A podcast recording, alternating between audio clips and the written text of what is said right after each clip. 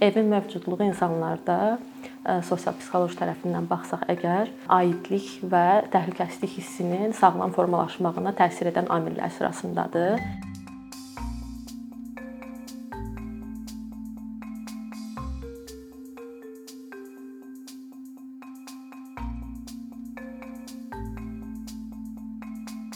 Bu gün biz daşınmaz əmlaka çatımlılıqla bağlı danışacağıq. İlk növbədə daşınmaz əmlakın nə olduğunu ifadə etmək çox vacibdir. Daşınmaz əmlak dedikdə biz daha çox ə, nəzərdə tuturuq torpaq sahələri və onun ərazisində yerləşən hər hansı tamam və ya natamam tikililər, torpaq ərazisində yerləşən hansı mineral resurslar, bitkilər və eyni zamanda su hövzələri.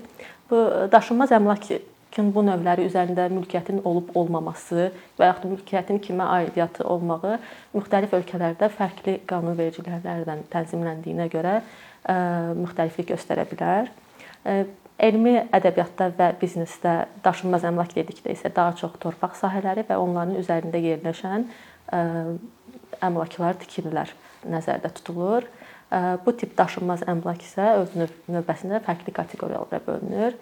Bunlardan ən əsası və vacibi e, və bir çox müzakirələrə səbəb olanı e, yaşayış məqsədli olan e, daşınmaz əmlak tipidir ki, buraya daxildir evlər, həyət evləri, binalardakı mənzillər və kondominiumlar. Kommersiya məqsədli daşınmaz əmlak tipinə isə ofis binalarını və otelləri misal göstərmək olar. Bundan əlavə sənaye məqsədli daşınmaz əmlak tipləri də var. Bura daha çox araşdırma və e, inkişafla bağlı nəzərdə tutulan tikililər, laboratoriyalar misal göstərmək olar e, və yaxud da ki, zavod binalarını, manufaktura üçün nəzərdə tutulmuş binaları misal göstərmək olur. E, bundan əlavə isə parakəndə satış üçün nəzərdə tutulan daşınmaz əmlak tipi də var ki, burada daha çox böyük ticarət mərkəzləri, alış-veriş mərkəzlərini və yaxud tək-tək mağazaları misal göstərmək olar.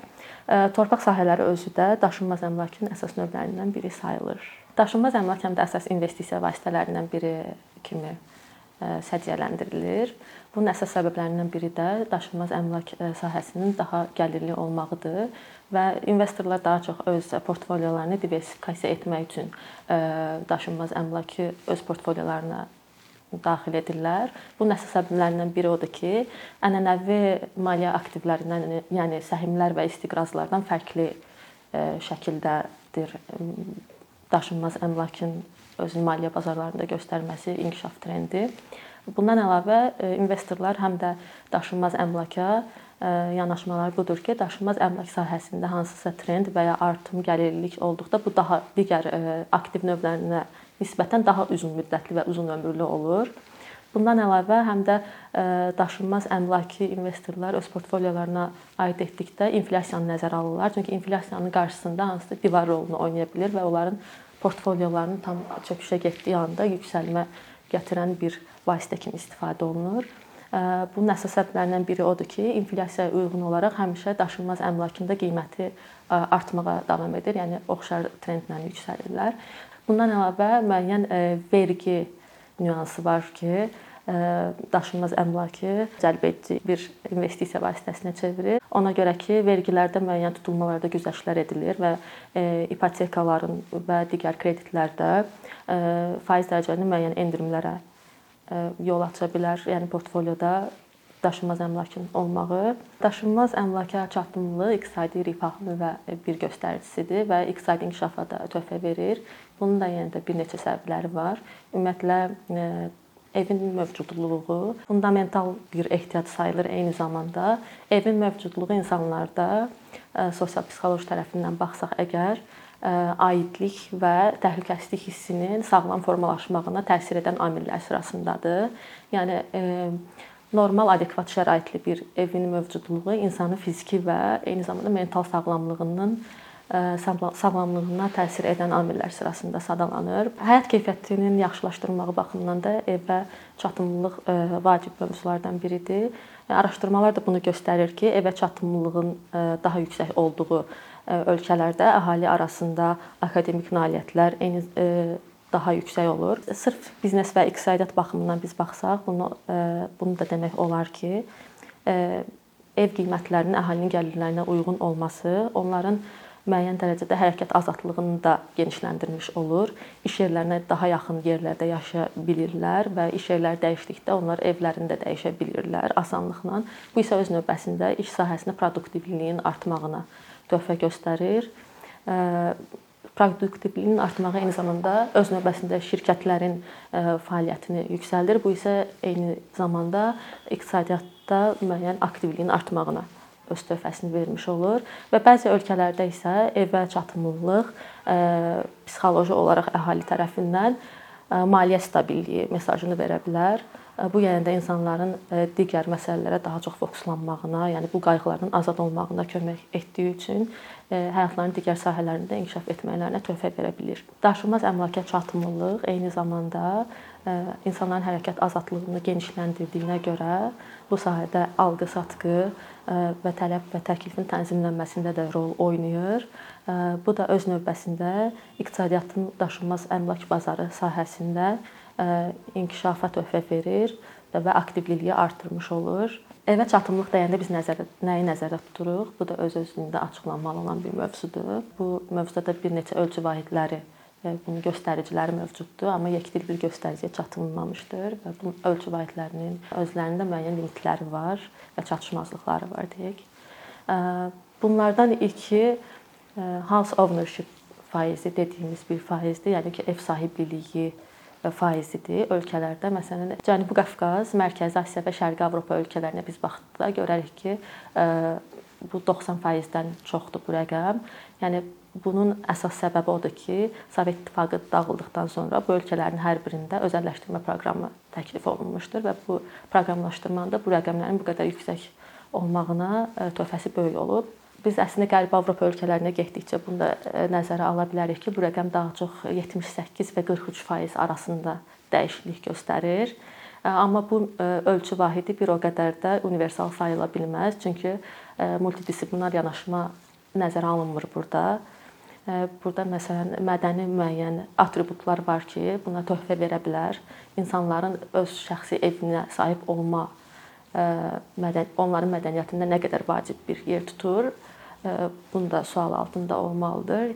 Məsələn, Azərbaycan və Özbəkistanda bu rəqəm 90 və 98% olaraq göstərilir. Yəni bu Sovet İttifaqında özəlləşdirmədən əlavə bu həm də onların mədəni atributlarından biridir ki, ev sahibi olmaq xüsusi əhəmiyyət daşıyır. Bu meyarın əsas məhdudiyyətlərindən biri də odur ki, burada metodologiya fərqləri ola bilər. Çünki ev sahibi ola bilərsiniz, amma o evlərin hansı keyfiyyətdə olmağı və hər ölkədən tikinti standartlarının, keyfiyyət standartlarının fərqli olmağı müəyyən dərəcədə bu ölkələri bir-birinə müqayisə etməkdə o qədər də kömək göstərmir. İpoteka kreditləri ilə bağlı statistikalar da əslində evlərə çatımlılığın nə qədər olduğunun göstəricilərindən biridir.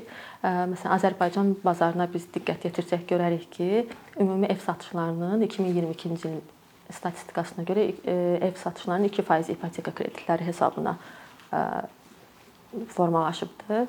Bunun əsas səbəblərindən biri əhalinin gəlirliliyi ilə bağlı olsa da, digər bir səbəb isə sənədləşmə prosesinin kifayət qədər mürəkkəb olmağı və tələb edilən sənədlərin sayının kifayət qədər çox olmağı ilə bağlıdır. Eyni zamanda onu da qeyd edə bilərik ki, həmin sənədlərin alınma prosesləri də kifayət qədər mürəkkəb və bürokratikdir. İnkişaf etmiş ölkələrdə bu rəqəm daha yüksəkdir. Məsələn, Amerika Birləşmiş Ştatlarını biz misal olaraq göstərsək, 52% ipoteka kreditləri hesabına alınan evlərin faizini 52-dir. Türkiyədə isə Azərbaycandan biraz daha yüksəkdir, 4%dir. Bundan əlavə digər bir göstərici göstərici isə ipoteka yükü deyilən bir anlayış var. Buna mortgage burden deyilir ingiliscədə.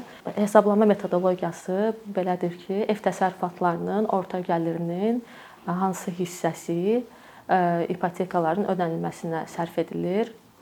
Bu göstərici Azərbaycanda 32%dir və Azərbaycanda əslində bu göstərici yayımlanmır. Sadəcə bunu hesablamaq mümkündür. Statistika Komitəsi, İpoteka Zəmanəti Fondu və Mərkəzi Bankdan alınan verilənlərlə bunu hesablamaq mümkündür. Azərbaycanda faiz 32-dir, ancaq Bakı və Abşeron ərazisində. Bakı və Abşerondan kənara çıxaraq biz bunu qeyd etsək 39%-ə qədər yüksəlir. Niyə Bakı və Abşeron əsas götürülür? Çünki ipotekaya alınan evlərin böyük hissəsi Bakı ərazisində olduğuna görə bu tip hesablama daha düzgün olar. Amma dünya ortalaması, dünya standartı burada 28%-dir. Əslində biz Bakı və Abşeronu götürsək görərik ki, bir o qədər də uzaqlaşma yoxdur. Avropa Əməkdaşlıq və İnkişaf Təşkilatına üzv olan ölkələr arasında bu faiz 24%-ə qədərdir. Bundan əlavə biz qonşu ölkələrə baxsaq görərik ki, Gürcüstanda da və Rusiyada 20-lik faizlərdədir bu rəqəm. Azərbaycan isə kifayət qədər geri qalır bu mövzuda. Düzdür, 2019-cu e, ildə münasibətdə biz baxsaq görərik ki, e, müəyyən dərəcədə inkişaf var, 2-3% qədər, amma yenə də dünya ortalaması region ölkələri və e, digər standartlardan geridə qalır Azərbaycan bu mövzuda. Digər meyar kimi qəbul edilən məsələlər arasında əhalinin bir nəfərinə düşən yaşayış ərazisi qeydə qeyd etmək olar. Azərbaycanda bu 22 kvadrat metrdir və region ölkələrindən bir o qədər də fərqlənmir. Yəni 1-2 kvadrat metr fərq olsa da böyük bir fərqlənmə müşahidə olunmur, amma 2019-cu illə müqayisədə biz görə görə bilərik ki, 3 kvadrat metrə qədər çoxalma olubdu bu sahədə. Müqayisə üçün deyə bilərik ki, BMT-yə üzv olan ölkələr arasında bu göstərici 20 kvadrat metrə qədərdir. İnkişaf etmiş ölkələrə nəzər saldıqda isə bu 70 kvadrat metrə qədər yüksələ bilər. Qlobal səviyyədə biz baxsaq, ən məşhur göstəricilərdən biri də bu sahədə 70 kvadrat metr evin alınmağına sərf olunan zaman müddətidir. Burada daha çox nəzərə alınır insanların orta aylıq gəlirləri və burada nəzərdə tutulur ki, sanki onlar bu e, gəlirləri yığırlar və heç bir əlavə xərcləri yoxdur və e, bundan sonra 70 kvadrat metr evi almaq üçün nə qədər zaman müddəti lazımdır onlara. Azərbaycanda bu rəqəm 12.1 ildir. E, Gürcüstanda bu rəqəm 10 ildən bir az çoxdur. İnkişaf etmiş ölkələrdə bu 3.8 ilə qədər azalma müşahidə edilir. Bundan əlavə şəhər mərkəzi və şəhərdən kənar yerləşən evlərin qiymətləri bir otaqlı evlərin qiymətləri də əsas göstəricilərə daxildir. Bu rəqəmlər kiçildikcə bu o deməkdir ki, bərabər paylanma mövcuddur. Əgər rəqəm böyüyürsə, bu o deməkdir ki, ölkədə müəyyən dərəcədə gentrifikasiya müşahidə olunur. Azərbaycanda bu 1.7-dir bu rəqəm. Digər region ölkələrindən daha yüksəkdir. Digər region ölkələrində bu 1.5, 1.6 dərəcəsində dəyişə bilər. Yəni region ölkəsi dedikdə Qazaxıstan, Gürcüstan, Gürcüstanı misal göstərə bilərik. Bəs bu halda sual ola bilər ki, evlərə çatımlılığı tənzimləmək üçün ölkələr nə edir? Burada fərqli sosial proqramlar e, təklif oluna bilər. E, sosial evlər layihələri var bir çox e, ölkələrdə, amma bu layihələr bir o qədər də uğurlu sayılmır, çünki evlərin tikinti standartları və şəraitlərinə görə Bundan əlavə kirayə evlər layihələri olur və yaxud da əhalinin xüsusi e, qruplarına ev almaqda müəyyən güzəştlər edilir.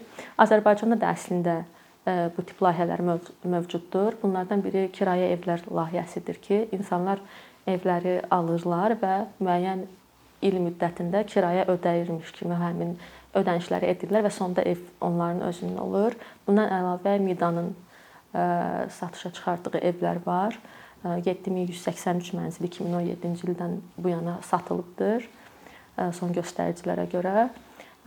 Bundan əlavə sosial evlər layihəsi də vardır ki, amma yenə də sosial evlər layihəsini deyərkən bunu nəzərə almaq lazımdır ki, daha çox şəhər mərkəzindən xeyli uzaqda olan binalardakı yaşayış binalardakı mənzillərin satışıdır bu və keyfiyyəti ilə bağlı da sual doğuran məqamlar var. Yəni bu mövzuda da müəyyən yekdil bir münasibət yoxdur e, alıcılar arasında. Daha çox Ümid qəsəbəsi, Kürdaxanı, Suraxanı və ya Abşeron ərazisində e, satılıb bu evlər, yəni bu layihələr tikilibdir. Azərbaycan tələb və təklifin tənzimlənməsi ilə bağlı biz baxsaq, 7183 ev Midada satışa çıxarılıb və satılıbdır, amma bu e, həmin evlərin alınması üçün müraciətlərə baxsaq, rəqəm 48 mindən çoxdur, yəni 7 dəfəyə çoxdur. Eyni zamanda biz onu da göstərə bilərik ki, 2018-ci ildən bu yana Azərbaycanda orta mənzilin kvadrat metrində kifayət qədər azalma var. Bu 136 kvadrat metrdən 111 kvadrat metrə enibdir. Yəni bu da öz göstəricidir ki, insanlar daha ucuz və daha sərfəli, uyğun qiymətli evlər axtarışındadırlar. Yəni bu sahədə tələb təkliflə uzlaşmır. Yəni təklifi daha çoxdur tələbdən. Hər ildə bir dəfə ümumiyyətlə biz görə bilərik ki, Milli Məclisin müəyyən qərarlarına əsasən güzəştli ev satışları ilə bağlı əhali kateqoriyasında genişlənmələr mövcud olur. Fərqli ixtisas və peşə sahibləri bura əlavə edilir, fərqli həssas qruplar əlavə edilir. Bu da özü də göstərici göstəricidir ki, əhali arasında evlərin çatımlılığı o qədər aşağıdır ki, hər dəfə bu genişlənməyə ehtiyac olur. Bundan əlavə e, biz deyə bilərik ki, ümumiləşdirsək, Azərbaycanda e, bu sahədə müəyyən addımlar hələ də atılmalıdır. Çünki e, əhalinin çatımlılığı aşağı səviyyədədir hardasa və eyni zamanda ipoteka kreditlərinə çatımlılığın özündə də müəyyən islahatlara ehtiyac var.